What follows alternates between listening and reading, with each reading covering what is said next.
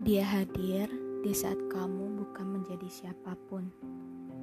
Dia teman bertukar pikiran panutan.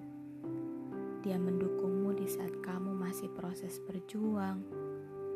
Dia menyemangatimu di saat kamu belum berhasil.